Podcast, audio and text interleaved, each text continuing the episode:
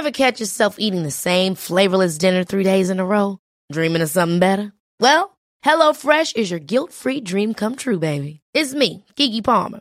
Let's wake up those taste buds with hot, juicy pecan-crusted chicken or garlic butter shrimp scampi. Mm. Hello Fresh. Stop dreaming of all the delicious possibilities and dig in at HelloFresh.com. Let's get this dinner party started.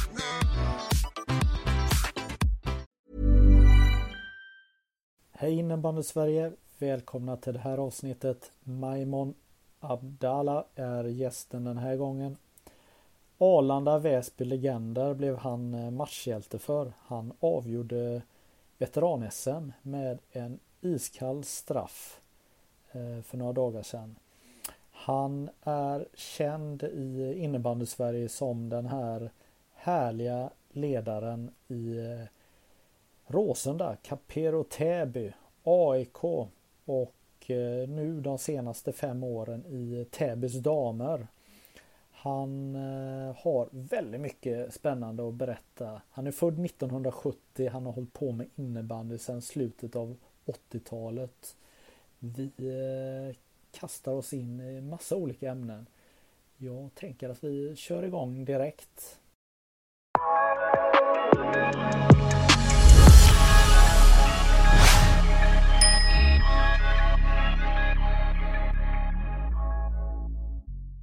Då hälsar jag eh, Maimon Abdallah välkommen till eh, det här avsnittet. Sa jag fel nu eller?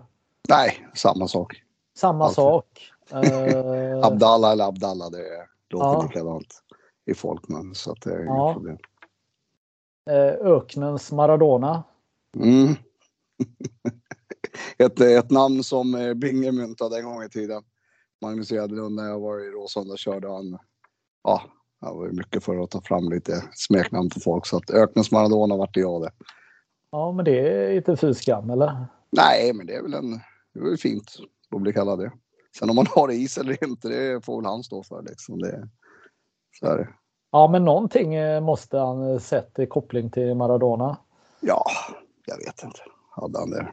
Jag gjorde väl mycket mål i Krakpåkassen. Var väl ganska liten och stubbig som han var också kanske. Så att det var väl där han såg det.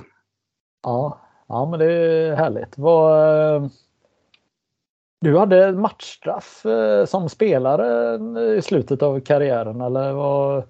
Ja, jag har haft någon matchstraff någon gång. Inte när jag SPO, men det har jag haft faktiskt. Det, Vad, vad hände? eh, vilket av dem tänkte jag på? Ja, Ja. Jag har haft ett par stycken. Men ett matchstraff som spelare fick jag nog en gång. Det var väl en händelse som hände när vi spelade i Grimsta AIK faktiskt. Det var väl eh, nere i Vilundahallen. Vi hade Henrik Lorndahl på den tiden som var ganska ung. Så hade vi Michi Kamrer också.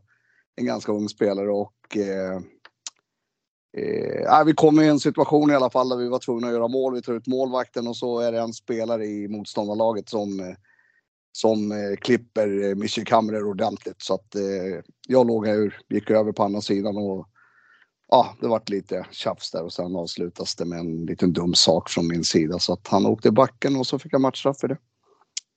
Ja, det var rättvist då eller? Ja, det vart inget efterspel utav det. Jag fick matchstraff där men det vart ingen anmälan så att det, det, var, det var ganska skönt. Ja, du tog det som en man då, eh, matchstraffet. Ja, det gjorde jag. Det var bara att gå därifrån. Först var jag på väg åt andra hållet för en tvåminutersutvisning men domaren tyckte att jag skulle gå åt andra hållet in i omklädningsrummet. Så det var bara att anpassa sig. Ja. Vad, eh, jag googlade och eh, såg att eh, du har varit licensierad som innebandyspelare sedan 1989. Det är ungefär samtidigt som, som en själv här. Vad, Mm. Berätta, vad, hur kom innebandy in i ditt liv? Ja, men innebandyn var väl en ren slump faktiskt. Jag höll på med pingis och eh, basket eh, i många år innan där. Men sen många av mina vänner spelade innebandy. Eh, de eh, drog igång Grimsta AIK faktiskt 1988 tror jag seriespelen började. Så att 1989 började jag spela innebandy tillsammans med dem och på den vägen var det. Så att eh, det var där man började sin innebandykarriär. Mm. Eh, Eh, ska vi se, eh, Grimsta Väsby, när, när gick man ihop där? Eh, Grimsta, Väsby. Det har varit många turer fram och tillbaka så jag vet inte men det måste ha varit eh, Uh, nu ska vi se, 96, 97, fram 2002, 2003 där måste det ha blivit ja. Uh, Gaik Väsby skulle jag tro. Ja, precis. Men du ja. började, för att vi ska hålla koll här, du började i vilken klubb då? Grimsta AIK. Grimsta, precis. Ja. ja. Mm. Och ni uh, spelade i högsta serien va? vi spelade, vi kom till högsta serien 96, 97 gick vi upp. Och där spelade vi ett år. De gjorde om seriesystemet då så att de bantade lagen eh, ganska ordentligt. Så att jag tror att eh, vi tog väl 22 eller 24 poäng det året och det hade räckt eh, gott och väl för att hålla sig kvar om serien hade varit. Men de skulle banta och så var det kval och så missade vi kvalet. Ja just det, det, mm. det, det stämmer. Eh, eh, vad många lag det var på den tiden. Vad kul det var eh, med innebandy då på, på 90-talet. Ja men eh, så var det faktiskt och eh, SSL eller elitserien som det hette då var ju, det var ju finrummet. Men även eh, division 1 var det på den tiden. Det fanns ju ingen allsvenska men division 1-serierna och division 2-serierna var ju faktiskt fruktansvärt jämna där också. Så det var bra kvalitet. Om man nu jämför med våra division 2-serier idag så hade nog de serierna ja, högre status skulle jag vilja säga. Ja. Jag traskar runt i ett område i Göteborg här och eh, konstaterade, som jag inte varit i så mycket. Och så tänker jag tillbaka på den här tiden på 80-90-talet och så ser jag gatorna och så ser jag alla klubbar som fanns. Alltså eh, bara en vanlig stadsdel och nu pratar jag i Göteborg, det kan lika väl varit i Stockholm. Men jäklar vad många lag det var på den här tiden och alla kompisgäng, fotbollsgäng, vad det nu var, pingisgäng, eh, mm. drog igång eh, innebandylag. Och, vad minns du av, av den här tiden? Ja, men jag minns att det var otroligt mycket innebandy hela tiden och eh, vi hade ju förmånen att ha en av våra klubb, klubbdirektörer då, eller sportchefer på den tiden. Han var ju vaktmästare för skolan så vi hade ju tillgång till skolan jämt. Så att, eh, det var inte så att eh, julafton firades hemma jämt utan eh, vi samlade alltid ihop gäng så körde vi innebandy till och med på julafton. Så att eh, vi hade alltid tillgång till hall vi var alltid kvar sist. Vi tränade ju inga som idag, här lagen tränar 19, 20, 30 eller 18 till 19, 30. Nej, vi fick de sämsta tiderna för alla juniorer de skulle gå i skolan så att vi fick 21, 30, 23 tiderna men vi kom aldrig från hallen förrän 24.00 i bästa fall. Så där Nej. minns man att det var ett helt annat driv. Man stod kvar, man sköt otroligt mycket och det, alla gjorde det. Ibland tvingade vi till och med kvar målvakten att sitta kvar för att rädda, men han ville hem. Men han fick sitta kvar faktiskt. Det var trevligt. Ja, eh, jag tror eh, det du beskriver kände alla som höll på med sporten på den här tiden. Just det här drivet att mm. en träningstid mitt i natten stoppar inte oss eller en hall utan sarg eller eh, fel mått, eller hur? Nej, verkligen inte. Man, fick, man gjorde det, det bästa av situationen helt enkelt. Så. Vad tror du? Varför, varför var alla på det sättet då? Nej, men det, man hade inte så mycket annat att göra. Det var kompisgängen också. Framför allt så var det så att det var alla polare som, som spelade ihop. Det var ju liksom ingen som kom från Göteborg igen uppifrån Umeå som kom utan det var vi som bodde i Upplands Väsby. Det var ju vi som spelade och ja, vi hade ju inget annat för oss. Så att det var inte där så var det hänga på McDonalds. Så att det var, det vart innebandy istället. Ja, vad hände på McDonalds då? Ja, men det, dit åkte vi efter träningen och satt och ljög fram till 1-2. De hade precis öppnat McDonalds där på, i början på 90-talet så att de stängde väl. Det var ju, stängde 02.00 tror jag, så vi satt ju där och drack kaffe och käkade chickabits såklart. Så att, var så man byggde upp den här kroppen. Ja, ja men det, eh, jag tänker att eh, du har ju två ansikten håller på att säga. Alltså du, du eh, i Stockholm så tänker jag att, att där är du både spelare och ledare men ute i innebandy-Sverige, det stora utanför Stockholm så, så, är du mest förknippad med att vara tränare då tyvärr. Mm. Eller jag skojar bara men, men ehm, eh, eh, art, alltså du, du är ju en riktig eh, din spelarkarriär har egentligen pågått nästan hela tiden förutom eh, dina ledaruppdrag, eller? Ja, när slutade jag aktivt? Jag höll på tills jag var 35. 2005 var sista säsongen jag spelade egentligen. Aktivt. Sen har man bara strö lite veteranserier och till lite då och då när det behövts. Men det har inte varit någon större serie, eller högre serie utan det har varit lite veteranserier, varit lite seriespel, division 4, division 5 kanske. Det är väl där man har varit. Ja, jag kollade upp dig nu här. Eh, fyra matcher har du i division 4 den här säsongen. Ja, det är med, eh, med Täby här. Så att det var division 4-lag också att jag spelar. Men jag har spelat fyra matcher bra kanske jag har gjort. Ja. ja. Det har jag gjort. Ett, ett mål tror jag. Ja, men de har, de har skrivit fel. Det ska vara det dubbla. ja. Vad, eh, ja, och ehm, när vi vet det, pratar här nu så eh, har du precis blivit svensk mästare som spelare. Mm. Det såg man inte komma.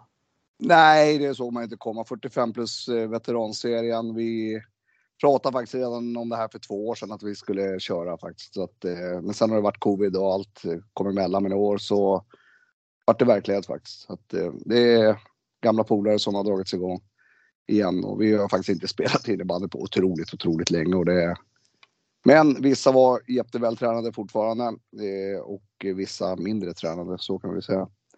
Jag har ju själv haft, hade en skada i axeln här sedan sex veckor tillbaka och lite smått och gott. Men eh, vi bet ihop och körde men eh, det var jobbigt. Det var fruktansvärt slitsamt, så kan vi säga. För att fem matcher på, på två dagar och gå hela vägen med sabden och allting, det tog mig på kroppen än vad jag trodde det skulle göra faktiskt. Ja, vad var det för speltid? Eh, två gånger 15 två första matcherna, sen var det två gånger 20 med 10 minuter sudden death. Så att eh, både semifinalen och finalen gick till sudden. Så att det var nästan två full, fullgoda matcher i, efter varandra. Ja, och, och eh, du fick eh, visa i eh, straffläggningen där att du har bra handleder. Ja, bra handleder. Jag, jag sa det innan, men ingen annan som ville lägga den så jag fick ta en straff och då ville jag ta för andra först. Men så tänkte jag, vad fan ska jag ta andra? Jag tar femte, då är det redan avgjort, slipper jag lägga någon straff. Men eh, det var ingen jävel som satte den så jag fick väl kliva in och så lyckades jag sätta den i mål och den andra missade så då vann vi så vart man hjälte. Det var det enda målet jag gjorde faktiskt i hela turneringen så att det kom lägligt. Ja, nej, men jag tittade på straffen och var blundade och sköt eller hade du nej. tänkt lägga den där? Nej, jag tänkte lägga. Jag såg på de andra straffarna. Han satt, han satt i stort sett på det andra benet så att han kunde inte röra sig där faktiskt. Så att, enkelt att säga nu när man har gjort det, men eh, det var den luckan som fanns. Ja, nej, men man, eh, man eh, gör väl analysen vad, vad det är för typ av målvakt. Om man spelar dagligen eller bara spelar i veteranturneringen här. Så, så tänker jag rörligheten är ju inte vad den kanske har varit innan då. Så Nej, huvudet vill ju en sak och kroppen en annan. Men eh, i finalen hade jag otroligt lite speltid. Jag hade Ola Timrén med. Han är ju en gammal legendar inom innebandyn också. Men han ser ju likadan ut i kroppen idag som han gjorde för 20 år sedan. Så att, tittar man på matchen i efterhand så gör jag 20 sekunders byten och han eh, två minuter. Så att det var ganska tacksamt när jag ja. kom till det. Ja men exakt. Vad, men du, ehm, vad ehm, du spelar också i ett eh, riktigt eh, rövargäng också här eh, ett, ett, ett, par år. Berätta. Mm. Vilket rövargäng tänker du på? Ja, det finns ju massa. Eh, nej, men jag tänker på eh, Smedby. Ja, Smedby var ett, i ett gäng. Vi, när vi åkte ut eh, elitserien 96-97 så var det lite var mycket missnöje det året både från eh, från, från eh, vad ska man säga, det, klubbens sida var ju, ja, det var mycket som inte gick rätt. Det var mesta tjafs och det, vi trivdes inte 100% det året faktiskt. Så att, eh, vi hade i stort sett eh, beslutat att vi knallar vidare till Smedby. Så att det var ett gäng som, eh, som gick vidare till Smedby. De låg då i division 4 faktiskt, så att det var en liten nedtrappning. Där kände vi att nu räcker. Men eh, vi hamnade ganska ganska fort eh, upp i seriesystemet. Vi vann väl fyran, trean, tvåan, hamnade i ettan och då vart det faktiskt eh, Smedby Väsby det året. En hopslagning. Mm.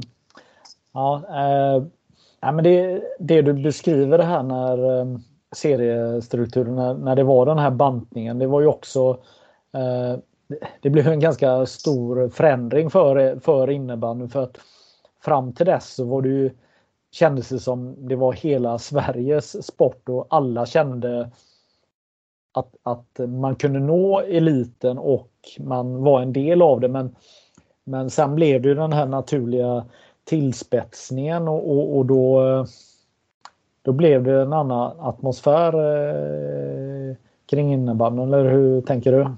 Ja, men det, var, det är väl så. Det var ju otroligt mycket spelare överallt. Jag menar bara Väsby hade väl en fyra, fem klubbar på, på riktigt hög nivå så att konkurrensen bland spelarna var ju stenhård egentligen. Men eh, det är som allt annat. På den tiden så lämnar man inte den föreningen man var i utan var jag smed så var jag där. Det spelar ingen roll. Alla andra var rivaler. Det är det det handlar om.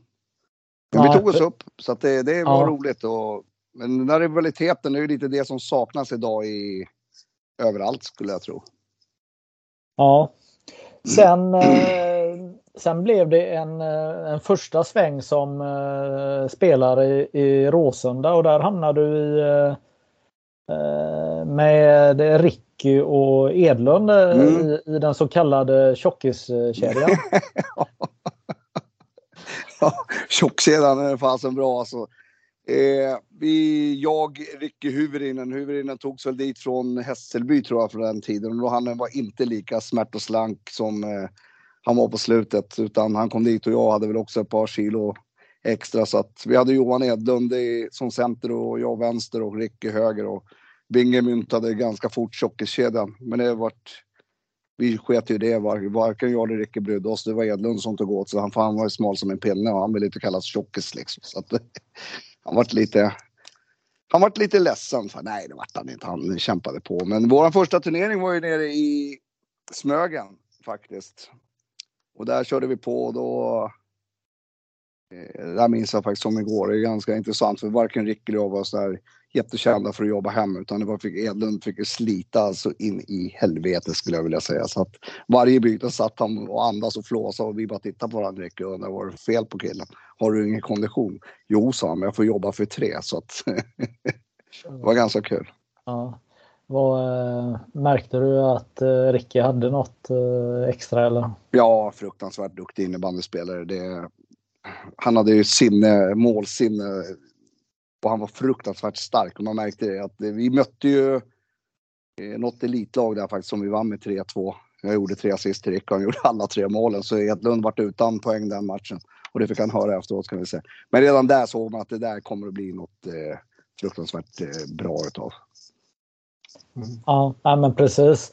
Eh, men sen, eh, sen, sen så, ja, blev det inte så lång tid som spelare i, i, i Råsunda? Va? Nej, jag var väl där i ett halvår eller ett eh, halvår. Sen eh, började de rycka igen från Väsby igen.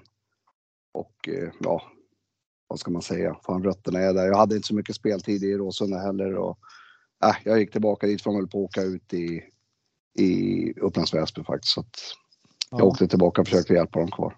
Ja, just det. Mm. Men sen kom du tillbaka något uh, år efter och blev, vad blev du? Assisterande till uh, Magnus Gäddlund? Ja, var... då var jag assisterande till Gäddlund och uh, det var väl där min tränarkarriär började egentligen. Ja, och, ja, och var befann sig Råsunda då? Råsunda befann sig då i Allsvenskan och eh, kvalade det året. För mig. Eh, ja, det gjorde väl. Ja. Det, eller den första svängen. Eh, ja, jag kommer inte ihåg, men andra svängen i alla fall. Jag har för mig att jag var där två gånger som tränare, men andra svängen tog vi oss hela vägen upp i alla fall. Ja, just det. Ja. Och eh, då som från andra delen av Sverige så, så hade ju precis AIK då något år innan tagits upp och så tänkte man vadå ett lag till från samma kommun. upptagningsområde håller på att mm. säga. Eh, ja, men så, så var det och det vart eh, lite fejder i Solnahallen också. Jag menar det hände en och annan gång att dörrarna, det var ju lyckta dörrar från båda håll så att eh, när klockan slog 20.00 då var det vår tur att träna och bara kastade man sig in och kastade ut de andra så att det vart mycket, mycket, mycket hard feelings emellan lagen skulle jag säga. Men det, det var lite rivalitet däremellan och det, det är sånt som behövs faktiskt. Att det, det kändes bra. Ja. Och ni, sen gick ni upp och åkte ni ner och sen gick upp igen eller hur var Eh, det? Gick upp, åkte ur, upp igen året efter och sen dess eh, så låg vi kvar i högsta ligan. Ja. Men- men jag, jag- vill minnas att ni, ni gick som en ångvält och, och, och sådär. Sen minns jag inte vilket år det var ni kvalade. Och ni, ni kvalade bland annat mot eh, Robertshöjd eller Göteborg där Mm. och var superfavorit. Och min eh, lagkamrat idag då, Petri Laukanen, stängde väl... Mm. Eh, ja, jag var jätteförvånad faktiskt att, att ni eh, torskade mot dem. Men de, de gjorde väl sin hemläxa bra mot det, tänker jag. Ja, men eh, det som bör nämnas det är att vi i Råsunda spelade ju på gummigolv hela tiden. Hela säsongen, gummi, gummi, gummi. Och eh, den hallen vi spelade i, den eh, var inte godkänd för, eh, för kvalspel. Så att, eh, I när vi- Göteborg menar du? Nej, i Stockholm. Så att Ja, vi fick ju spela på, ja, vi fick ja. spela på parkett Ja, i. Solnahallen. Ja, Och eh, Robertshöjd spelade väl parkett också, om Ja, jag inte minns helt fel. ja, Petter var ju nog extra också. Han hade ju sånt stim, den karln. Han var ju fruktansvärt bra. Så att Mm. han, eh, ja, de körde väl över oss ganska hårt där skulle jag tro, Ja, för- mig. Men det var ju en kvalomgång till mot eh, Örnsköldsvik sen. ja, just det. Det, det, var, det var ju så.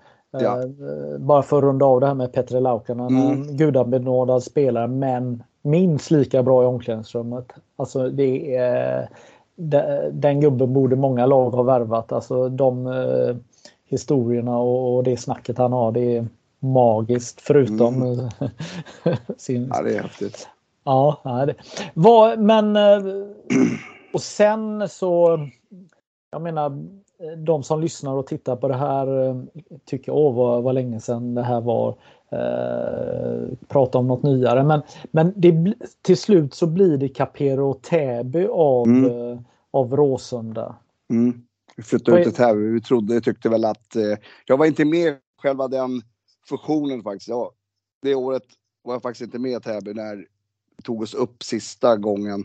Eh, Utan jag kom ju dit efteråt. Men då satt du, då eh, ville man vidare till Täby. Och Täby var ju det eh, upptagningsområdet idag som man, eller då tyckte var bäst. För att det, man var lite ensamma här ute. Och eh, man tog kontakt med Täby här ute och de var villiga att ställa upp på det elitlaget som eh, man kunde backa upp. Och så fixade Ja. man en stor sponsor i Caperio då som eh, ställde upp också så att det vart det Caperio Täby. ja, men det blev ju en ganska hype eh, på innebandyn eh, då. Ja, fruktansvärt bra och vi gick ju som tåget det året. Jag tror att vi kom åtta i serien men gick ju hela vägen så att eh, det var en häftig resa. Det, Ja, och det är också eh, var det eh, den säsongen ni spelade final eller? mm, det var det. 2007 måste det ha varit. 2006, 2007. Ja, fan. Och det, det, du ser tillbaka på det med, med glädje men också en eh, tagg i hjärtat eller? Ja, men den, eh, det en, eh, var en jobbig period där. Vi hade ju finalen i våra händer. Vi leder med 3-2 eller 4-3, jag kommer inte ihåg, men vi leder med, med bara ett par minuter kvar. Men eh, så fanns det en viss Magnus Svensson som tyckte annat då, så att han gjorde två mål på 20 sekunder och så var den finalen ur händerna. Eh, så att, men eh, vi sköt ju till eh, något otroligt det året och vi skulle ju bara till final. Och vi gjorde någonting extraordinärt det året, att vi tränade 100 pass i rad efter jul. Så att vi i rad. Det fanns alltså inte en dag som vi hade led utan vi samlades och gjorde allting tillsammans. Och, eh, vi fick ihop en sån fruktansvärt bra lagkänsla och vi hade en bänk som var dedikerad allt. Så att det fanns ju roller för varenda spelare för vad de skulle göra och vi tog oss hela vägen. Och, eh, det skulle vara vunnit. Men efter det så Ja, det var en jobbig period. Det tog väl två månader innan varken jag eller Binge tog tag i luren och lyfte och frågade om vi ska fortsätta med det här och vi ska skita i det. Så hårt tog det faktiskt. Så det, det var jobbigt. det, det var det. Vad var det som tog? eh, Nej, men jag tror att det... Eh, man ville vinna så pass mycket och eh, sen när det väl eh, inte gick vägen då var det jobbigt. Det var mentalt, eh, mentalt jobbigt för så här. Mm. Eh, hur... Eh, eh, jag tänker det här att, att säsongen är lång men själva avgörandet är på 60 minuter plus Mm. tillägg då. Vad, jag menar, det är ju något man måste ha med i, i, i tanken om, om man säger så. Att, att eh, man, eh, man spelar om det och sen så är finaldagen så går det så snabbt. Och... Mm.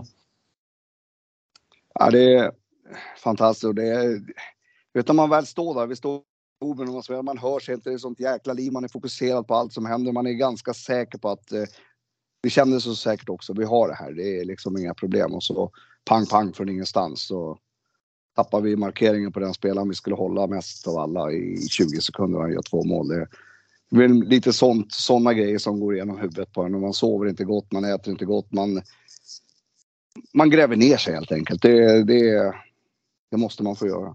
Ja. Eh, vad jag minns av eh, den eran och det var ju det att, att ni har ju inte eh, tio gubbar plus målvakt. Ni hade ju en fantastisk målvakt i, i Ramsin då som var första mm. målvakt då. Eh, men eh, men ni var ju inte eh, tio utespelare plus honom och reservmålvakten utan, utan det kändes som ni var 150 mm. gubbar.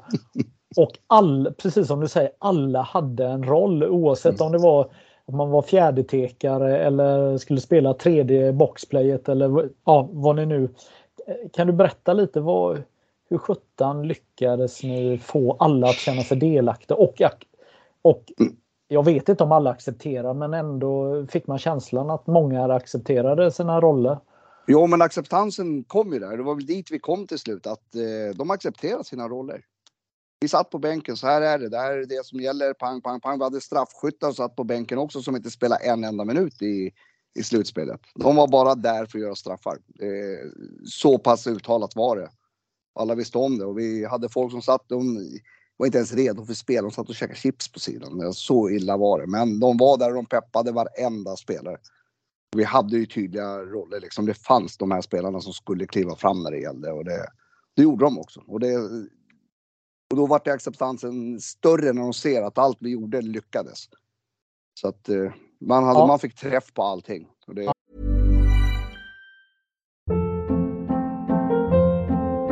Hold up. What was that? Boring. No flavor. That was as bad as those leftovers you ate all week. Kiki Palmer here, and it's time to say hello to something fresh and guilt-free. Hello Fresh. Jazz up dinner with pecan-crusted chicken or garlic butter shrimp scampi. Now that's music to my mouth. Hello Fresh. Let's get this dinner party started. Discover all the delicious possibilities at hellofresh.com. Hiring for your small business? If you're not looking for professionals on LinkedIn, you're looking in the wrong place. That's like looking for your car keys in a fish tank. LinkedIn helps you hire professionals you can't find anywhere else, even those who aren't actively searching for a new job but might be open to the perfect role. In a given month, over 70% of LinkedIn users don't even visit other leading job sites. So start looking in the right place. With LinkedIn, you can hire professionals like a professional. Post your free job on linkedin.com slash achieve today.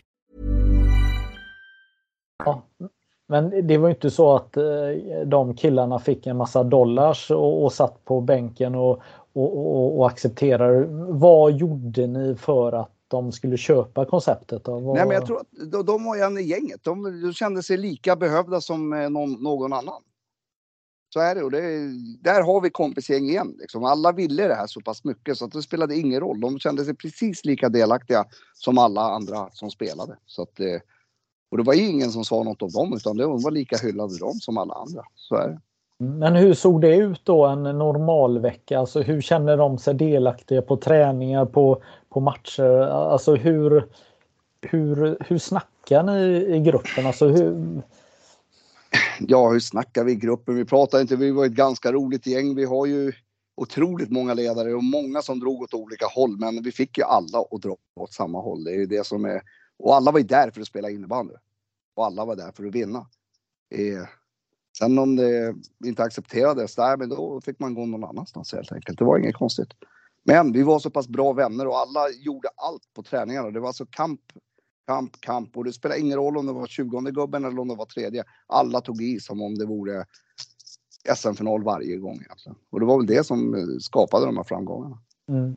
Nej, men jag vet ju att ni tränade mycket och du berättar eh, det här också om de här hundra dagarna och, och, och, allt jobb ni la ner. Men eh, det har ju varit några eh, Stockholmslag som det har byggts en massa myter kring mm. och, och sådär. Att, att det inte är så här exempelvis Fornöden några år innan som, som lyckades. Och, och, och det bygg, ni byggde också, eller jag vet inte vem det var som byggde vad, men, men, men det pratades om att ni inte var eh, seriösa och, nej, och hela den här biten. Nej, men seriositeten den kommer ju. Jag menar, det är folk frågar tränaren. Nej, vi tränar aldrig. Vi spelar bara två mål. Jag menar, går folk på en sån här grej då, då fortsätter man ju bara måla på det. Det är ju helt idiotiskt. Det fattar de väl att man inte...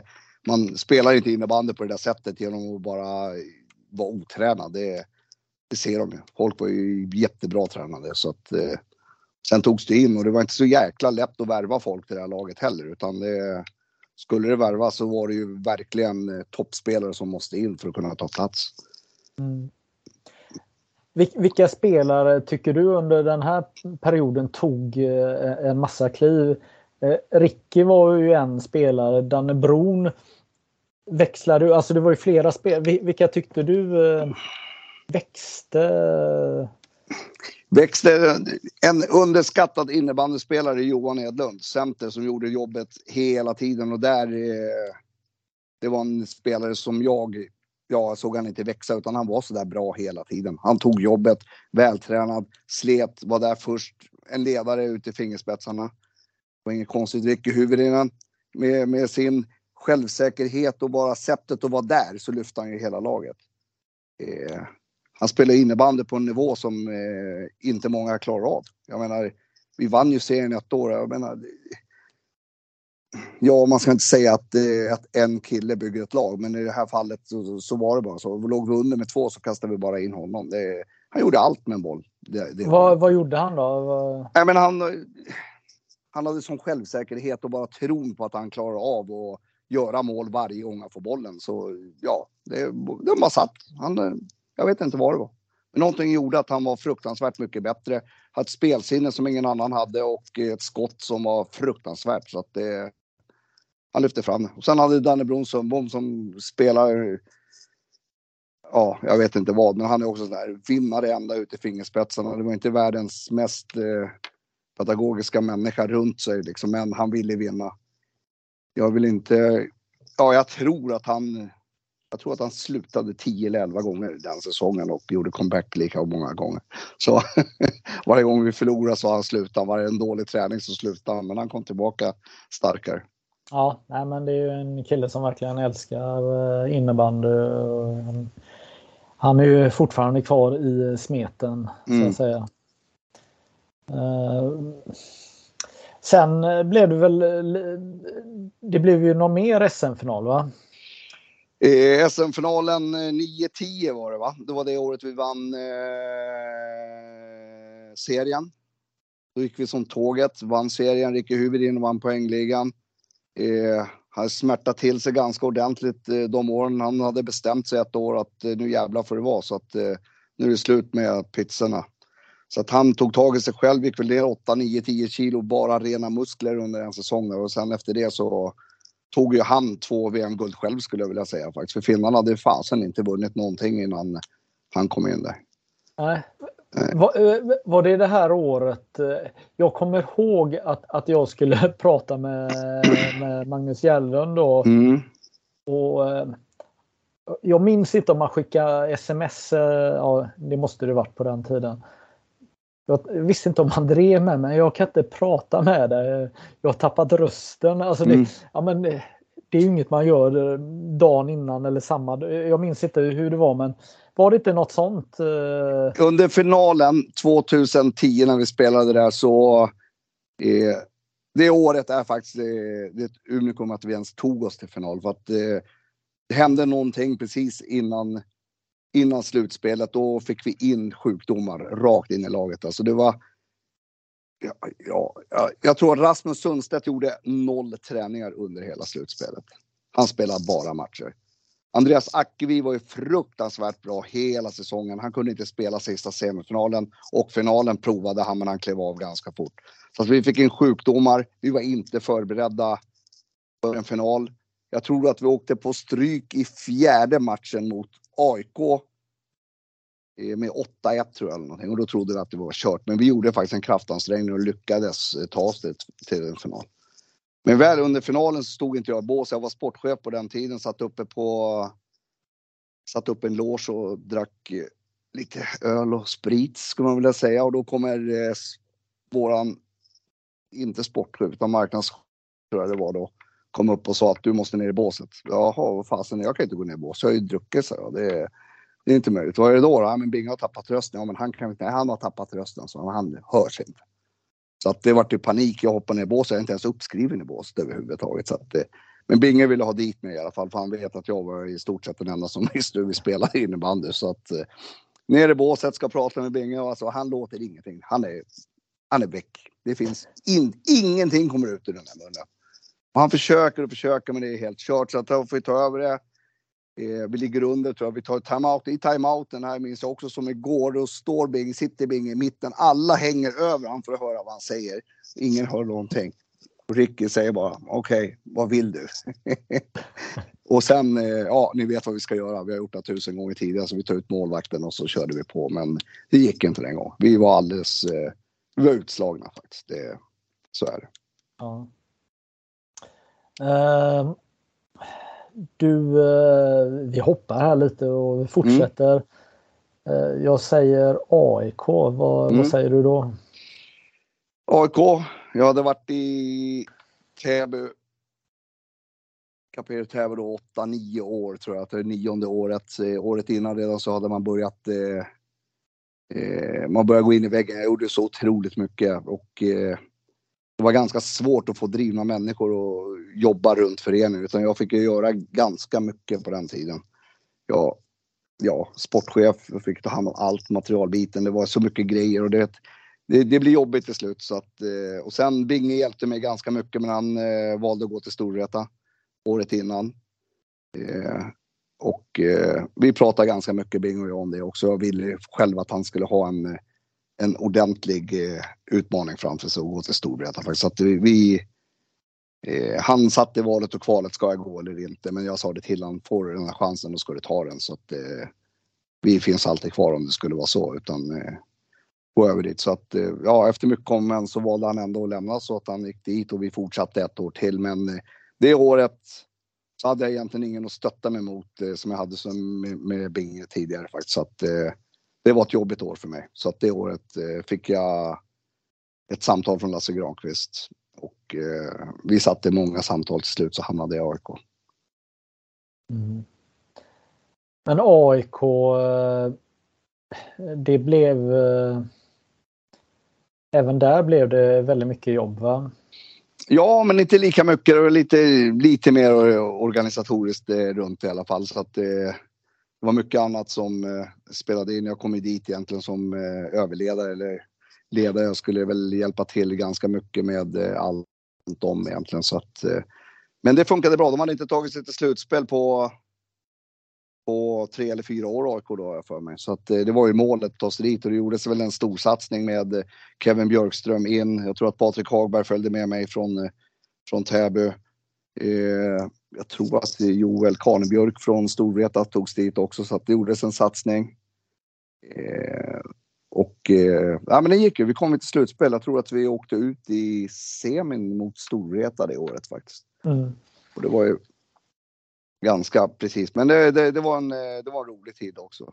Mm. Men var du med i AIK under, när bensinen började ta slut i, i, i, i klubben lite eller, eller var Nej, jag kom väl dit när bensinen hade tagit slut egentligen och vi skulle bygga upp det. Jag visste egentligen inte hur eh, jävligt det var faktiskt.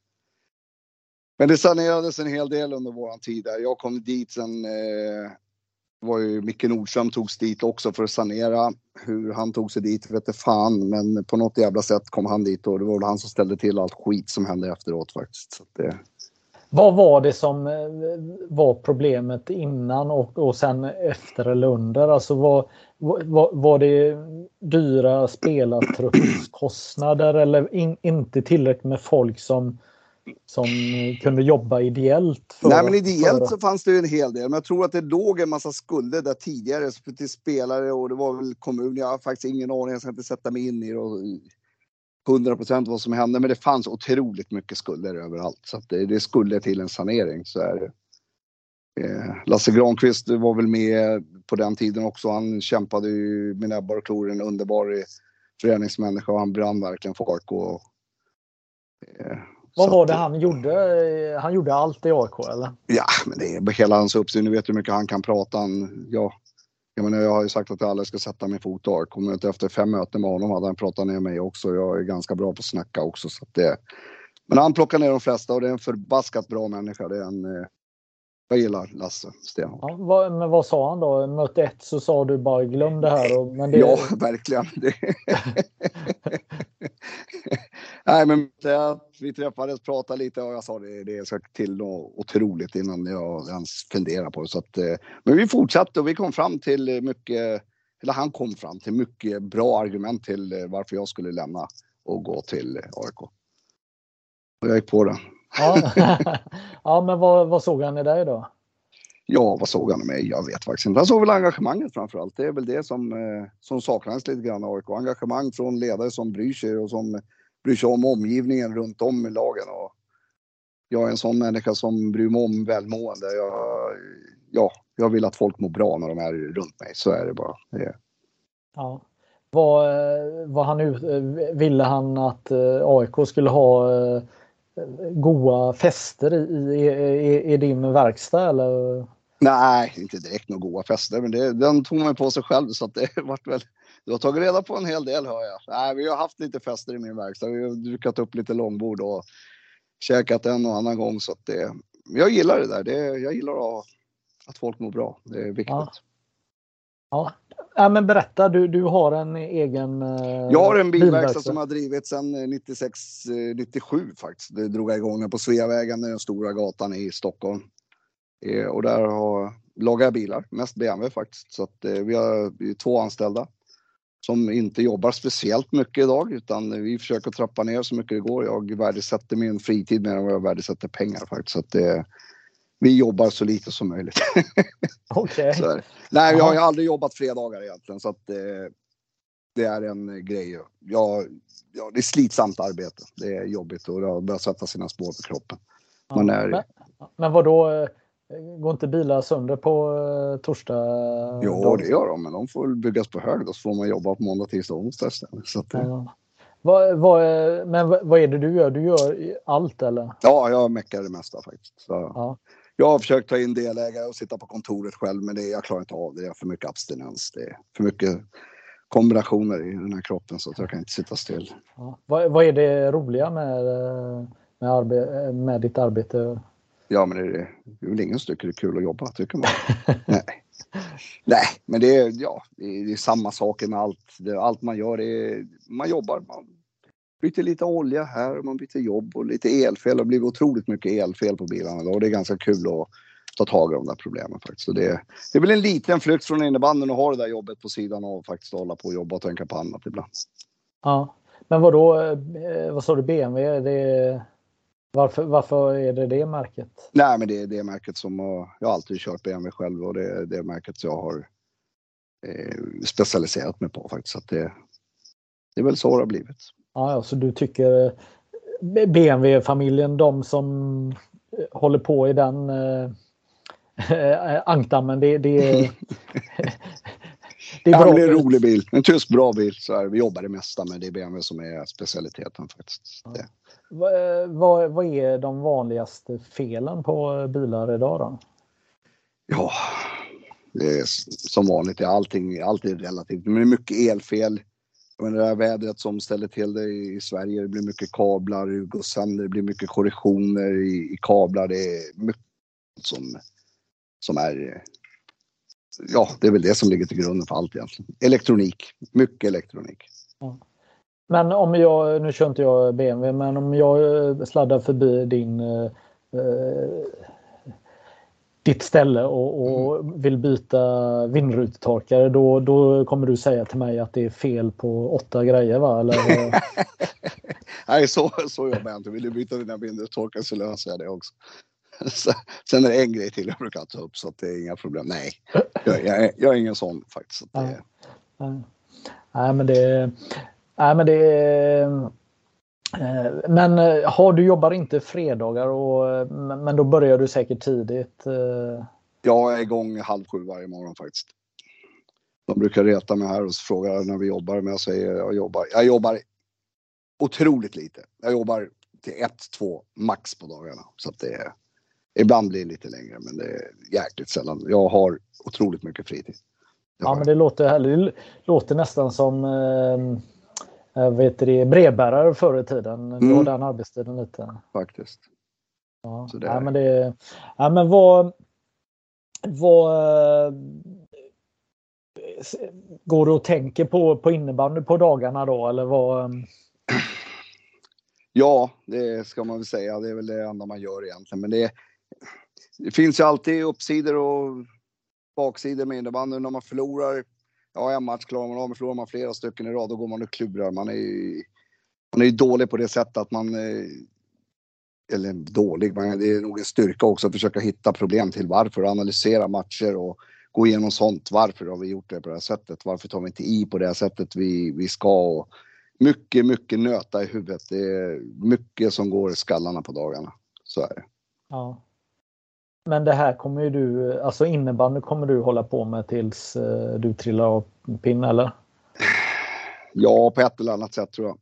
Men eh, slutar jag så slutar jag nog helt tror jag. Det, då lägger jag nog av med allt när det gäller innebandy. Jag tror okay. att man är på den. Men det, det, för att ta det klivet, det, det, krävs nog ett, ett ordentligt beslut tror jag. Ja.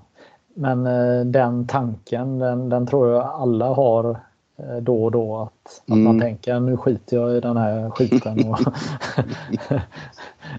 eh, gör något annat. Ja, Nej, men det kommer ju sådana. Det finns ju perioder man känner och frågar och tänker varför håller jag på med det här ibland? Och det, det, man har ju familj, man har barn och det, men de är ju vuxna barnen. Så att jag har en dotter på 26 och en grabb som är 16 snart. Så att, men ja. man har en fru hemma också som eh, har varit fruktansvärt tålmodig och stöttar henne i allt som man eh, håller på med. Så att henne får man tacka för mycket.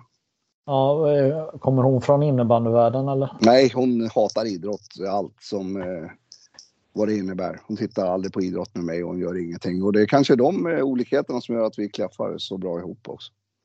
Ja, men eh, förstår hon din passion då? Det gör hon verkligen. Och ibland undrar hon varför jag inte är gift med mig innebandyn istället för henne. Så att, eh... Vad säger du då? Nej, jag säger ingenting. Hon säger ja, men snart får du välja. Men det kan du inte säga så till henne för att det går inte. Det, jag kan inte välja. Det, jag får inte välja, så ska vi säga. Ja, eh, Ruste säger att du har det absolut största hjärta som finns eh, och en, en engagemang. Eh, berätta, var, var kommer detta ifrån? Eh, hjärta, engagemang, engagemanget vet jag inte var det kommer ifrån men det har väl eh, de säger att jag har ett stort hjärta, jag bryr mig om folk. Eh, jag tror att det kommer från mina föräldrar faktiskt. Mina föräldrar är eh, fruktansvärt eh, givmilda. De bryr sig om alla runt om sig och eh, de skiter sig själva skulle jag vilja säga. De, eh, eh, ibland blir jag lite, lite förbannad på mina föräldrar för att de är så fruktansvärt snåla mot sig själva men fruktansvärt givmilda mot alla runt sig. Så att eh, jag har varit på dem ganska mycket. De lever fortfarande. De är 84 och 82 år gamla mina föräldrar så att eh, de måste njuta av livet. Det är det det handlar om och eh, eh men de lägger alla sina pengar på hög och det är, ja, men vi måste lämna efter oss lite till barnen. Men vi vill inte ha någonting. Vi har det vi vill ha. Det är, ta hand om er själva och det. Men det är nog därifrån jag fått mitt, eh, mitt hjärta faktiskt. Och eh, det är många av våra syskon som är på det sättet. Så att, det måste komma från dem. Ja, du fick ju in en hel del musik i, i, i i eh, framförallt Capero Täby va? Mm. Eller, ja, eller var det även i Rås? Ja, det började väl nog i Råsunda skulle jag tro. Ja. Det lite arabmusik här och där. Ja, berätta vad... Nej, men det, jag, jag vet inte om det var jag som började med, med musiken, men det var väl jag som eh, fortsatte med det i alla fall. Det var någon som tyckte att det här är ju en bra låt och så var det en arablåt. Ja, men vad gillar ni det? Så kör vi på. Sen så vart det överallt och vart det på matcherna också. Folk som kom hit, och, eller kom hit och skulle spela matcher fick jag höra det på uppvärmningar. De var ju tokiga liksom, lyssna på det där skränet. Men det var ju någonting vi tyckte var bra så att det, det körde vi på. det vart lite, lite sång och dans och allt möjligt. Folk tyckte det var trevligt. Ja, det var härligt. Vad har du, ska jag säga det här? Ja, men innebandy är ju en eh, svennebanan-sport. Mm. Är det det? Vad, ja. ja, jag vet inte om det är politiskt korrekt om man får säga så, men nu, nu sa jag det. Vad, vad, ja. Eh, du heter ju inte Andersson i efternamn eh, Nej. direkt här. Vad, berätta hur... man klappar ihop med innebandyn? Ja. Nej, jag vet inte riktigt vad jag är ute efter. Men Nej. Vad, vad jag menar, du, du ja, men det, det, är ju, det är ju många som heter Andersson och Pettersson och Lundström. Mm. Så är det Ja, i, i sporten om man jämför med, med, med fotboll exempelvis. Vad, mm. Någon har väl undrat eh, varför man håller på med en ja. svensk idrott. Ja, ja. det är riktigt svennebananidrott faktiskt. Nu när du säger det så ska vi kanske fortsätta på det. Nej, jag är ju inte född någon annanstans. Jag är född i Sverige, så är det. Och det är, eh, jag har ju två sidor. Jag har ju en svensk sida och jag har en eh, palestinsk sida. Och jag har ju hävdat hela tiden att jag har varit Palestinas bästa innebandyspelare. Men sen får jag reda på att bröderna Aldiv är palestinier också så att eh, nu vart det tredje helt plötsligt så det är jättekonstigt det så när Palestina drar igång ett landslag då är det jag, Aldib och den andra Aldib som står där. Sen får vi försöka värva in lite andra. Ja, men eh, inom tio år behöver de komma igång då? Nej, inom tio? Nej, ja, tio räcker nog fan. Två år skulle jag vilja säga med den här kroppen. ja, men hur, hur ont har du nu med några dagar till godo från SM? fruktansvärt. Jag ska inte sitta här och gnälla. Alltså man har tagit SM-guld, säga vad man vill, men det är ändå ett SM-guld, så är det. Men eh, jag har sovit otroligt dåligt i två nätter för att jag har så fruktansvärt ont. Så alltså, det är överallt. Ja. Så är det. Men det är det värt. Det är kul. Ha, eh, eh, Täby damer. Mm. Ni eh, ligger femma i eh, SSL här i mittens rike. Ni har vunnit ungefär lika, matcher, lika många matcher som ni har eh, förlorat. Mm. Uh, ja. Vad... Är det bra? Nej, men det är enligt plan skulle jag vilja säga. Vi kanske skulle ha legat, eh, haft några poäng till, men eh, enligt plan. Vi har haft nytt spelsystem i år. Vi har fått in Rickard Welsmo eh, som eh, coach tillsammans med mig. Vi har delat ansvar i år så att eh, implementerat ett nytt spelsystem och det tar ju tid. Det gör man inte över en säsong utan det här är ju tanken att det ska sätta sig ganska ordentligt. Men vi har alltså börjat sätta det mer och mer nu och får vi till det ganska bra då kommer det bli otroligt bra. Eh, och de gångerna vi har satt spelet som vi ska göra då har vi varit riktigt bra och eh, sen ibland så misslyckas man och sätta det här som man vill och då blir det otroligt dåligt åt andra hållet istället. Så att det gäller att hitta en lite bättre balans och det är där vi jobbar just nu och hitta balansen på, på det vi håller på med och det börjar komma sakta men säkert. Ja, hur eh, alltså historiskt sett så har ju Stockholm eh, varit en eh, maktfaktor också på damsidan mm. med bra topp. Och det har ju ändå bortsett eh, det här guldet som ni tog eh, för några år sedan som vi ska prata om också. Så, så har det ju ändå varit lite mer sällan mm. om man jämför med gamla tider med Högdalen, Balrog bland annat. Vad, vad krävs av Stockholms innebanden för att exempelvis ni ska ta Ytterligare kliv, kliv. Ja, ytterligare kliv. Första så nu som det ser ut nu så är Åkersberga uppe också. Nu har vi ett norrlag till som är uppe i högsta ligan. Det kräv, då får du den här rivaliteten jag pratade om tidigare. Då måste vi börja prestera mer. Jag menar, blir vi sämre då vill ju de gå vidare. Så är det, det är inget konstigt. Idag så har man inte samma... Man har inte samma glöd för sin förening som man hade på våra tider som vi pratade om. Utan är det så att man är missnöjd så då kanske man söker vägen någon annanstans. Så att den rivaliteten är bra. Man får behålla sina spelare. Man får, eh, man får en rivalitet. Man vill inte förlora derbyn. Man höjer sig ett snäpp direkt. Så är det. Det är, det är inget konstigt med det. Och eh, samtidigt så, ja det är otroligt mycket klubbar i Stockholm också. Folk måste börja släppa sina spelare eh, och låta de som ska utvecklas utvecklas på sin, i sin egen takt skulle jag vilja säga. Och, är det så att eh, man har 05 och 06 idag som man ser kommer att blomma ut och bli elitspelare. Då kanske de ska in i träning redan idag och där är vi nog inte idag skulle jag tro. Nej.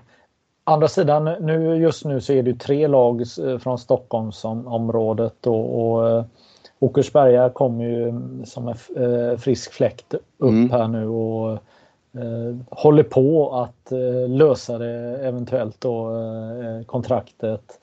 Eh, och vi får väl se hur det går eh, med Nacka här då. Eh, och samtidigt så har vi då Uppsala som eh, som kanske då, eller ja, de kommer ju åka ur med sig, eller mm, Uppsala innebandyn som har varit det har varit många från Stockholm som har pendlat till Uppsala hållet mm. och nu kanske man inte kommer ha ett lag från Uppsala i högsta serien mm. som drar. Eh, kan det vara positivt för, för exempelvis er? Ja, men det är klart, det är ett lag från Uppsala som, eh, som åker ut och det finns Stockholmsspelare där så kommer ju alla Stockholmslagen vara på dem såklart om de är attraktiva och vill ha. Jag menar bra innebandyspelare vill ju alla klubbar suga åt sig. Så det är mm. inte konstigt. Samtidigt så Sirius vill man ju ha kvar i, i högsta ligan på grund av att ja, det är en resväg också som är jättekort. Så det är jättetrevligt. Så är det. Men ja. visst, det finns positiva saker med att lag åker ut, men eh, för det behöver vi inte säga att eh, de bästa spelarna lämnar, utan eh, det är... Ja. ja, men exakt. Eh, men eh, eh, det är ju så att Ehm, lag från andra orter kan ju Eh, erbjuda mer, exempelvis Kalmarsund och, och eh, ja, mm, kanske Thorengruppen och, och, och, några till. Vad, hur, hur, eh, hur tänker du kring det? Nej, men jag, ja, vad tänker jag med det? Vill man värva vill man värva sina spelare med pengar så gör det.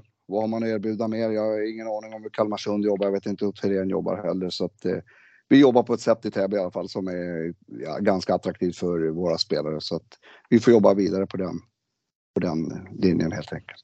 Mm. Hur, hur ser du på SSL eh, damsidan eh, just nu? Nej, men det känns som att eh, det känns som att de starka lagen är på väg uppåt lite mer. Men rent ekonomiskt så eh, tror jag det är en fyra, fem klubbar kanske som kan kriga ekonomiskt. Resten ligger nog på, på en eh, precis gräns om man säger så. Eh, jag menar Torén, jag vet inte hur mycket pengar de har. Kalmarsund, de eh, skriker och vrålar alltid om att de har mycket stålar som helst. Och Täby, vi håller ganska låg profil, men vi har det ganska bra här ute. Och, eh, det är dumt att sitta och skrika om att man har massa pengar. Det, ja, kom till oss, vi har inga pengar, brukar vissa klubbar säga, men vi, är jätteduktiga på att laga hamburgare i kiosken. Liksom. Jag menar, man måste hitta en mellangräns också. Har vi, har vi pengar? Nej, vi har så att ni har tillgång till allt. Vi har en egen hall. Vi har ekonomi så vi klarar av. Vi har en sund, ett sunt tänk på hur, hur vi vill bedriva verksamheter. Det lockar ju mer än en, ja, du får 50 000 men vi har fan inget annat runt oss liksom. Mm. Nej, det du, eh, jag tänker eh, på en helt annan sak här. Mm. Det var lite eh, kaos här hemma. Men, jo, ehm, är det tre tjeckiska spelare ni har i truppen? Tre, tre tjeckiska spelare, målvakten, länkare med Sova, sen har vi Chod och Sorsa som tog sig till år. Mm. Berätta, lite nyfiken, hur Alltså, alltså tjeckisk innebandy är ju verkligen på, på hugget. Alltså det är mm. spelare som söker sig till, till Sverige och eh, krigar på här. Hur, hur är det att ha dem i, i laget? Nej men, man, man, de kommer hit och det, det är, det är spelare som är fruktansvärt eh, proffsiga. De eh, är upplärda på ett sätt som eh, de gör allt. Det är, liksom, det är stretching, allt. Det är, alltså, det, du behöver inte göra någonting mer. De är klara på den punkten. Sen innebandymässigt så måste de börja komma in i tempot. De är fruktansvärt träningsvilliga. Eh, så på det sättet, de är fruktansvärt lojala. Det är framförallt det och tacksamma för att de får komma hit och spela. Så ja. det... Är det någonting som stärker eh, ett lag att de då har den här proffsigheten eh, och viljan? Alltså skärper sig omgivningen eller? eller ja, men skärper de kommer ju. Vi, vi har ju en fruktansvärt bra verksamhet här där vi har seriositet ända ut i fingerspetsarna. Då kräver vi det av våra spelare som kommer hit också. Eh, och är de redan klara när de kommer, då är det helt eh, underbart. Så att eh, de är fruktansvärt proffsiga. Det, det får vi inte ta ifrån dem. Mm. Varför ska man se Täbys damer spela innebandy? Varför ska man komma till era matcher? Man vet aldrig vad man får. Det går fruktansvärt fort. Vi spelar en offensiv, eh, bra innebandy. Eh, vi kan även spela defensivt om vi vill, men eh, just nu så fokuserar vi otroligt mycket på vår offensiv. Och jag tror att den innebandy man måste bedriva i, man måste börja, börja kunna båda delarna. När vissa lag spelar bara def innebandy och där, du, du kommer aldrig nå hela vägen på det sättet utan du måste kunna hantera, eh, hantera båda spelen. Du måste kunna hantera spelare som är offensiva och där är vi tillbaka igen, rollspelare och där måste vi börja kunna hantera rollspelarna på ett bra sätt. Yeah. Ja. ja.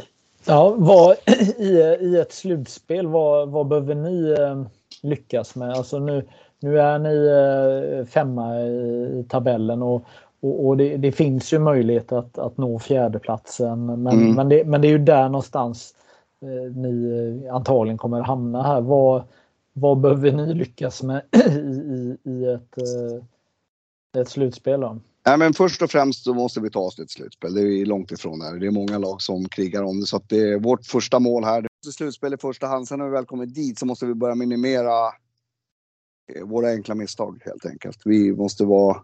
Vad menar du med Nej, men vi, har, vi, vi, vi, ger bort för mycket mål. Vi, rätt som det är så får vi bara för oss slå bort en boll rakt upp i slottet så att vi har gett bort den två kassar varje match här, vissa matcher. Så att... Men i vilket skede är det ni uh, Nej, men det är bara från ingenstans egentligen. Vi, ja, man slappnar av lite grann och så.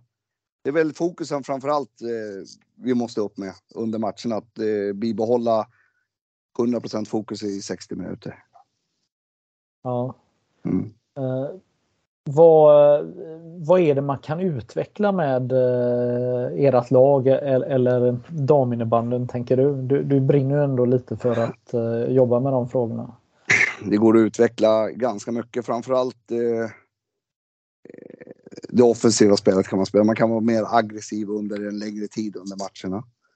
Eh, hur, hur, menar du? Nej, men man borde kunna ha ett högre tryck mot motståndarmålet hela tiden egentligen när man spelar. Jag menar nu leder man med 3-4 och slår man ju av så går man tillbaka lite. Jag menar, vi, det, man, man, kan jämföra med Thorengruppen faktiskt, som aldrig slår av. De bara kör, kör, kör.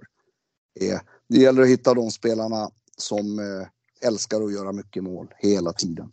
Fortsätta, där går, tror jag att det går att utveckla otroligt mycket i hela innebandy-Sverige. Mm. Vad är det du tänker att man, man, man, spelar och så blir man av med bollen och så tar man tillbaka den direkt? Eller, ja, eller i stort sett. Ja, höger övring skulle man vilja säga. Eh, ha fysiken för att jobba under 60 minuter stenhårt. Det är, det är dit jag vill komma faktiskt. Mm. Och då när man spelar eh, och, och, och, ska göra mål, ska man undvika vissa ytor? Alltså, eh, eller ska, det gå, ska man gå rakt på mål eller ska man Nej, men där, där har vi också balansen. I, man kan ju faktiskt spela en aggressiv innebandy i anfallszon också utan att avsluta. Utan man eh, får sina motståndare trötta och sen så kan man... Men för att komma dit så krävs det ju att man är fruktansvärt påslagen hela, hela tiden. Eh, och det är vi inte idag, men man är där i vissa matcher. Det är dit man vill komma. Att de här matcherna så är vi påslagna i 60 minuter. Varför kan vi inte vara det i nästa match? Det krävs ju otroligt mental styrka. Det är fysiskt och psykiskt jobbigt att hålla på med innebandy fem, sex dagar i veckan. Så att eh, någon gång måste man ju få vila också känner man. Ja, eh, jag vill påstå att eh, herrspelare på den absolut högsta nivån har kanske några verktyg mer i, i verktygslådan än eh, eh, dito på, på, på damsidan. Mm. Och det är mina ord, jag säger inte att, att, att det är så men jag säger det. Eh, men då är min fråga hur, hur anpassar man sig då eh, som damcoach om det nu skulle vara så eller håller du med mig eller hur? Nej men det är klart att, eh, ja ska man jämföra herr och damer det är ganska svårt men damerna har ju tagit steg år för år för år. Jag menar, eh, Eh, fysiken har blivit bättre, tekniken har blivit bättre. Eh, de yngre spelarna som börjar komma upp nu, de har spelat innebandy sedan eh, barnsben så att de börjar, de börjar komma igång ordentligt och jag vet att vi i Täby här nu har börjat de har börjat ta fram en, en annan helt ny träningsmodell på hur vi ska träna, hur vi ska komma lite grann närmare hur fotbollen tränar egentligen. Och, och det ska man inte stoppa under stolen med att de som spelar fotboll och innebandy parallellt blir ju bättre än, en eh, bara innebandyspelare eller bara fotbollsspelare. Utan de har blandat sporter. Och det ser man på alla andra idrotter också att folk som utövar två eller tre sporter, de får en bredare eh, utbildning rakt över egentligen. Så att det är där vi jobbar ganska bra nu och eh, eh vi vill få de som bara spelar innebandy idag och få mera träning så att eh, de kan komma upp i den nivån som alla andra eh, spelare som utövar flera sporter gör. Mm.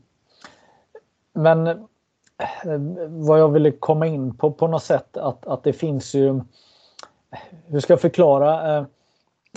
En, en herrspelare, en back, kanske kan vara ett jättehot tre meter in på egen planhalva med eh, bollen. Alltså eh, skjuter som, eh, som, en, mm. som en slägga. Alltså, skjut, alltså, jag säger inte att damspelarna inte kan det men, men, men där är en fysisk skillnad som Alltså vilka delar, alltså hur... Nej men det, det, det är som du säger också, det är fysiken som avgör hur hårt du skjuter i slutändan. Teknik, fysik. Mm. Men för att komma dit så måste du träna mer. Och för att mm. träna mer så måste du gå ner i arbetstid. Och för ja. att gå ner i arbetstid måste du ha mera lön från klubbarna. Och för ja. att lön från klubbarna måste du få mera publik, du måste få mer sponsorer, du måste få idrotten att bli mer attraktiv. Eh, som den var lite innan covid faktiskt. Så Att, eh, eh covid har ju eh, slagit ut eh, ganska mycket av publiken. Eh, och tidigare så publiken sökte sig, fanns bara en match. Idag kan du se varenda match på, på nätet. Det kostar en bråkdel eh, att se varenda match. Så att folk, är, folk är bekväma. Det är inget konstigt. De sitter hemma och kollar i soffan istället för att ta sig till arenorna. Och då blir det ju roligare. Är det mera folk så blir det ju mera tryck också i Sverige. Det, det är inget Aha. som går att förklara bort. Så är det bara. Så att eh, klubbarna har eh, en kraftansträngning framför sig att försöka få, få, få folk till matcherna. Ja, det finns ju eh, vet du, läktarproffs på att säga som, som har pratat i termerna. Bland annat eh, vet jag Lasse Granqvist eh, häromåret att just damsidan eller dam-SSL har möjlighet att bli en få, eh, få en bredare publik. Mm. Kanske till och med eh, större genomslag än herr, herrsidan. Hur, hur tänker du kring det? Nej, men det tror jag de kan få också. Det är, det är alltid trevligare att titta på damerna än på herrar också. Liksom. Men det beror på vem som pratar i och för sig. Men eh, oavsett vad så tror jag innebandyn har utvecklats på damsidan fruktansvärt mycket sista åren. Och det, det är kul. Jag menar, det, tittar du på en division 1 eller division 2 match på damsidan idag så är inte den lika attraktiv som en herr 2 till exempel. Utan, men de utvecklas också. Jag tror att stegen måste tas från de större klubbarna. Vi måste försöka eh, få spelarna att gå ner mer i arbetstid så att de kan träna mer och bli bättre innebandyspelare. Mm. Eh, hur ser det ut eh, för er då? När tränar ni på, eh, på dagarna? Ni tränar ganska sent efter kontorstid eller? Vad? Ja, det, vi kör igång 17.45 samlas vi så vi kör mellan 18 och 19.30. Eh, det är de tiderna vi har. Så att, eh, och de som jobbar eller bor på andra sidan stan, eh, det blir lite det blir lite pyssel för dem. Men de har lärt sig att leva med det här så att de är fruktansvärt duktiga på att pus pussla och fixa och dona. Så att vi får ha ett schema redo och det får inte ruckas överhuvudtaget för då blir det strul i hela dess verksamhet. Ja. Men vad, om, om du fick drömma lite, vad, vad, vad tänker du? Skulle det vara tidiga eftermiddagsträningar ibland? Skulle det underlätta eller, eller är det att spelarna får 2000 spänn till, till eh, Nej, men jag tror att det, i månaden? Jag tror en halvtidstjänst för att spela, framför allt för att de ska kunna vara helt utvilade till träningar varenda gång. Och vi ser att de slutar 12-1 på dagarna och eh, kan vara här 17.30 och träna. Det, det skulle göra en hel, jättestor skillnad och kunna göra på det viset. Jag menar äta ordentligt, man kan vila lite kanske, eh, komma hit istället för att åka direkt från jobbet in i bilen hit, härifrån, hem, lägga sig. Det blir liksom bara en ond cirkel hela tiden om man lever, man lever bara på det sättet och det, det är jobbigt. Jag tror att det ja. är fruktansvärt ansträngande. Ja precis och man är, man är lite skyldig eh, sin omgivning saker hela tiden då i mm. tid och, och, och, så. så att, eh, men när, när, när är vi där då? Ja, när är vi där? Det vet jag inte, men det är, jag hoppas vi är där ganska snart. Mm. Framförallt på de stora klubbarna. Tror jag. Ja. Hoppas. Vad, vad tänker du kring eh, eh den nya förändringen och som är precis eh, en trappa ner om man nu säger då allsvenskan på herr och damsidan? Vad... Ja, det, vad är det som förändras? Jo, de lagen blir ju bättre såklart och de kommer ju ta de bästa spelarna underifrån. Kommer ju bara synas på, på de lagen under där att eh, de kommer bli sämre. Det tror jag. Samtidigt som de bättre lagen bara blir bättre. Så att, eh, man måste fostra ungdomar idag så att de blir bra innebandyspelare. Men självklart, seriesystemet är bra och det är välbehövligt så att det, vi kan inte ha hur många serier som helst underifrån utan det måste bli attraktivt därifrån också att de utvecklas på ett bra sätt och får bra matcher. Ja, ja men exakt. Mm. Men hur, hur, tror du, är, är, man mogen att resa över hela landet håller på att säga när man spelar i näst högsta serien? Nej men det är väl det, där det är väl där man måste börja någonstans. Och jag menar de klubbarna som inte klarar av det eller har ekonomi för det, då ska de inte ens eh, hålla på med det tycker jag. Då, ja, om de skulle gå upp i högsta, vad gör de då? då? Jag menar, de mm. måste ha ambitioner de lagen också. Eller vill de bara spela i, i näst högsta serien och traska på eller vara en plantskola, ja, då får det väl vara på det sättet. Då bör det vara ganska uttalat och då kanske man ska samarbeta med dem och, och de och fostra spelarna som går uppåt. Det är väl mm. det sättet man får jobba på. Ja. Hur lång blir säsongen för eh, Täbys damer i år? Eh, hur lång den blir? Ja, den blir väl som vanligt slutet på april skulle jag tro. Nej, vi hoppas ju såklart att gå hela vägen. Det är, det är ett stort mål, men det är enda målet man kan ha när vi är på den nivån. Och eh, vi har ett lag som skulle kunna nå hela vägen, men vi har ett lag som kanske inte ens når slutspel. Så att vi måste ta den, det steget först och där kan allt hända. Ja, berätta eh, när eh, Täby gick ju hela vägen. Det var ju sensationellt. Mm, det var sensationellt, men samtidigt så fanns spelarna där. Eh, eh, vi tog över, jag och Robin, sportchefen i, i Täby då, en vecka innan eh, slutspelet satte igång. De eh, gamla tränarna slutade. Jag får frågan två dagar innan slutspelet ska sätta igång om man vill vara med och hjälpa till och det eh, ja, kanske inte var det bästa beslutet då, men eh, i efterhand så var det jävligt bra. Eh, jag hade ett eh, stundande kval med eh, Täbys herrar. De skulle ta sig upp. Så att det vart otroligt mycket matcher på den eh, lilla stunden. Jag var tvungen att börja analysera motstånd för damerna. Ja, du Första körde dubbelt. Jag körde dubbelt. Eh, jag gjorde 17, 17 matcher på 27 dagar. Med analyser emellan så att du förstår hur mycket mycket du jobbade på ditt mycket arbete? Jobba. Nej, men jag, jag, det var inte speciellt mycket heller. Så att man, man, man, såg inga Mercedes i Stockholm? Nej, man såg inte så mycket. Det var inte så mycket jobb. Det var mycket video. Det var två, tre timmars sömn. Man gick igenom, man åt allt så mycket. Jag gick upp 10 eller 12 kilo tror jag på den månaden. Så det var inte så jävla roligt heller. Nej, var det, det Donken varje dag då? Eller? Nej, men det var ju stressen. Stresspåslag, ja. allt. Så att, men man hur, jobbade på. Så. Hur gick det för herrarna? Herrarna åkte ut i sista i kvalet i sadden faktiskt. Så, att, så tråkigt. Vi förlorade inte en match i slutspelet heller så att vi gick rent det året har jag för mig. Men, och vi förlorade ingen match utan alla matcher vi förlorade var sadden för förluster. Så att, Vilka åkte ni mot? Där då? Mot Bele Barkarby. Ja, just det. Mm. Så det var tungt det. Ja, men eh, då just det, du hoppade in i, alltså det, eh, man har ju varit med om några gånger att eh, att lag byter ledarstab Mm. i ett positivt läge när man ska spela slutspel. Då Mm. känner man att det finns mer att, att få ut av, av, av laget. Det här har ju hänt i, i flera lag och det har Mm. blivit ett bra utfall. Så eh, det var Men- väl... Men, när, men när vi väl kom in i det här laget i alla fall så var det ju så att eh, eh, i det läget så hade vi ingenting att förlora egentligen utan vi skulle bara in. Eh, jag skötte tränarbiten, eh, Robin skötte coachbiten. Han brydde sig inte om någonting utan var det någon som var dålig fick de sitta. Så jävla hård var han som tränare det året. Och, eh, vi var där för att göra en sak och det var att ta oss hela vägen och vinna matcher. Ja. Eh, Och där Och- fick vi en rollfördelning precis som vi pratade om. Att eh, alla rollfördelningar, alla som fick sina roller, de tog rollerna ända ut. Ja, ja, de gjorde precis det de skulle.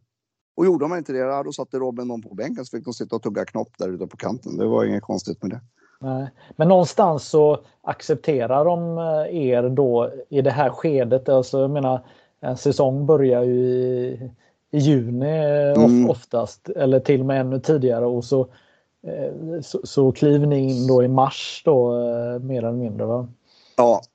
ja, men vi kliver in och vi gjorde bra analyser på alla matcher som vi spelade och de, vi visade dem otroligt mycket. Jag menar, de hade ju knappt haft någon videoanalys överhuvudtaget det året och vi började visa dem att de här ytorna måste vi in och sen är det ju lite tur också för att de här bitarna som man analyserade och de gjorde de sakerna, så de slog ju rätt till hela tiden. Så vart det mål på de visen. Så då började de ju lita på en mer och mer. Så att då, ja, man kunde ha sagt vad som helst där. Men när de väl får det där förtroendet för ledarna och eh, lyssnar, det här ska ni göra och det lyckas, då fortsätter de. Och till slut så rider man ju bara på en våg som eh, tar den hela vägen.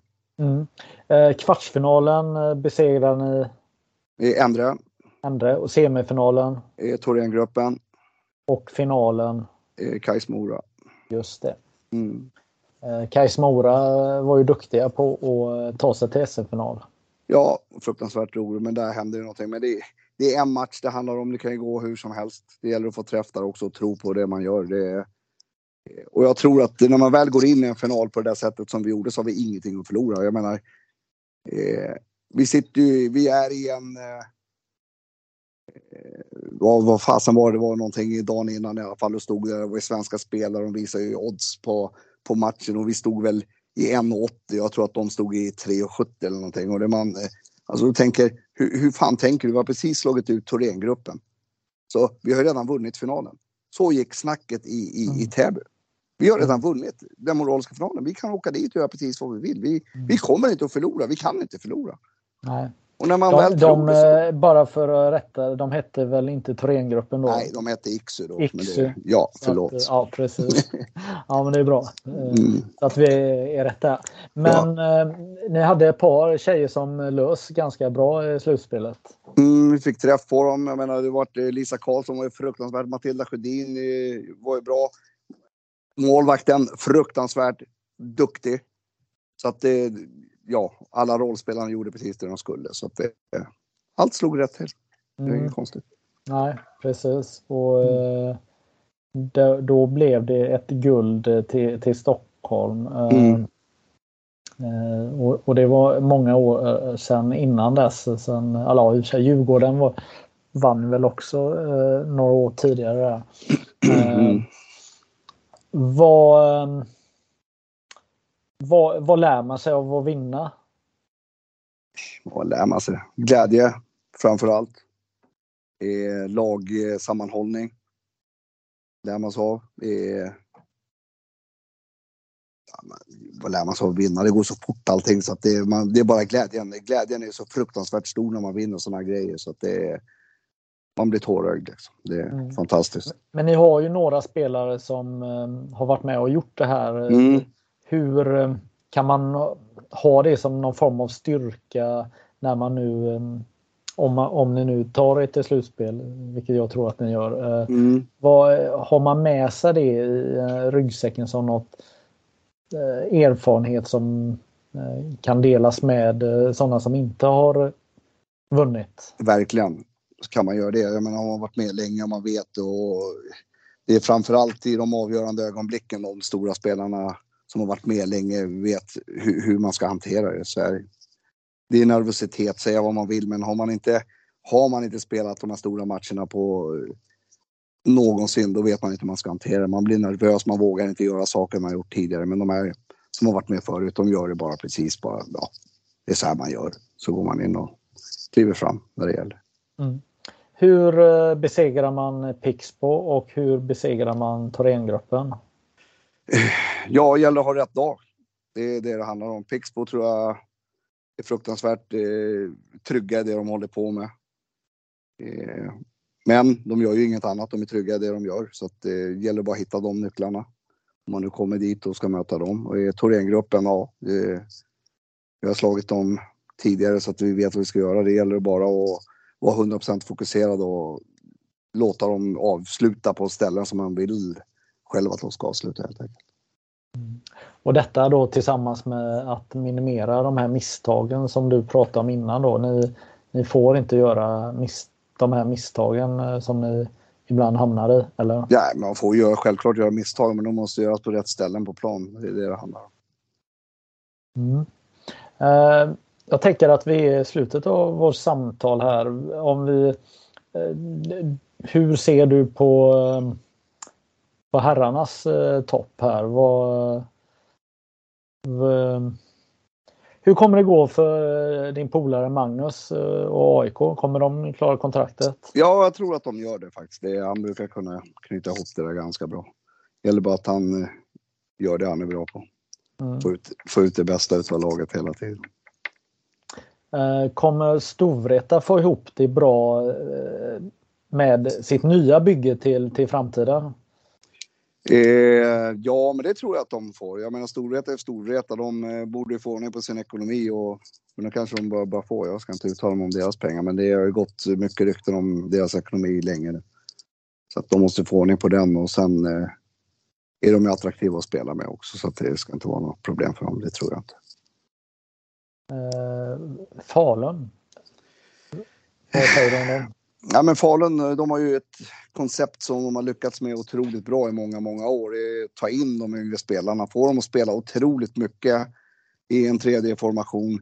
Eh, där deras första formation hela tiden har levererat så att de har kunnat spela sina bästa och utveckla dem hela tiden. Sen när andra femmespelarna har fått nog, då kliver trean upp på andra positionen och så fortsätter det den spiralen de gör det jävligt bra. De eh, har ju förmodligen de bästa spelarna där uppe. De ställer nog fruktansvärt höga krav på varandra, det tror jag. Mm. Sen... Um, hur, hur tänker du eh, kring um, allsvenskan här? Det, det är ju ett getingbo med flera lag från Stockholmsregionen. Uh, hur, hur uh, jag vet faktiskt inte. Jag kan inte uttala mig så mycket om de lagen. Jag har faktiskt inte så jäkla bra koll på här sidan längre. Så att det, men det är otroligt mycket lag under allsvenskan. Jag tror Bele, Bele är nog lite grann som Capello Täby. De säger att de inte tränar någonting. Du ser, man kom, ligger inte där man ligger om man inte kör stenhårt. Det är det det handlar om. Mm. Sen de andra allsvenska lagen, ja, de bygger på sitt och de tror på det. Så att vi låter dem jobba i lugn och ro. Mm. Härligt! Då tackar jag för att du ville vara med i det här samtalet. Vad, vad är det första du kommer göra nu? Eh, när nu går ut på träning. Vi har en halvtimme kvar på vår träning så att, eh, jag ska ut där och sen så ska jag kolla på allsvensk eh, daminnebandy. Vårt allsvenska lag möter Storvreta idag så det ska bli kul. Ja. Vad, hur, bara avslutning, hur är det att ha ett lag i den serien? Är det, är det bra för er? Eller? Det är jättebra för oss. Det är jättebra. Och där, jag menar, de stöttar oss med spelare hela tiden. Eh, och de får ju bra matchträning för sina allsvenska matcher. Eh, vi har även lag underifrån som är på väg uppåt som kan slussas in i det allsvenska laget och få otroligt bra matchtid. Så att, eh, det är bara bra. Vi har även ett eh, division 2-lag eh, som spelar också så att vi är på väg framåt på dag, ja, division 1. Står han här och viftar. Har, du inte koll vilka serier? Ja, men det är allsvenskan vet jag. Sen är det division 1 och division 2. ja, det är bra. Ja. ja. men härligt. Tack så mycket för att du var med här. Tack själv.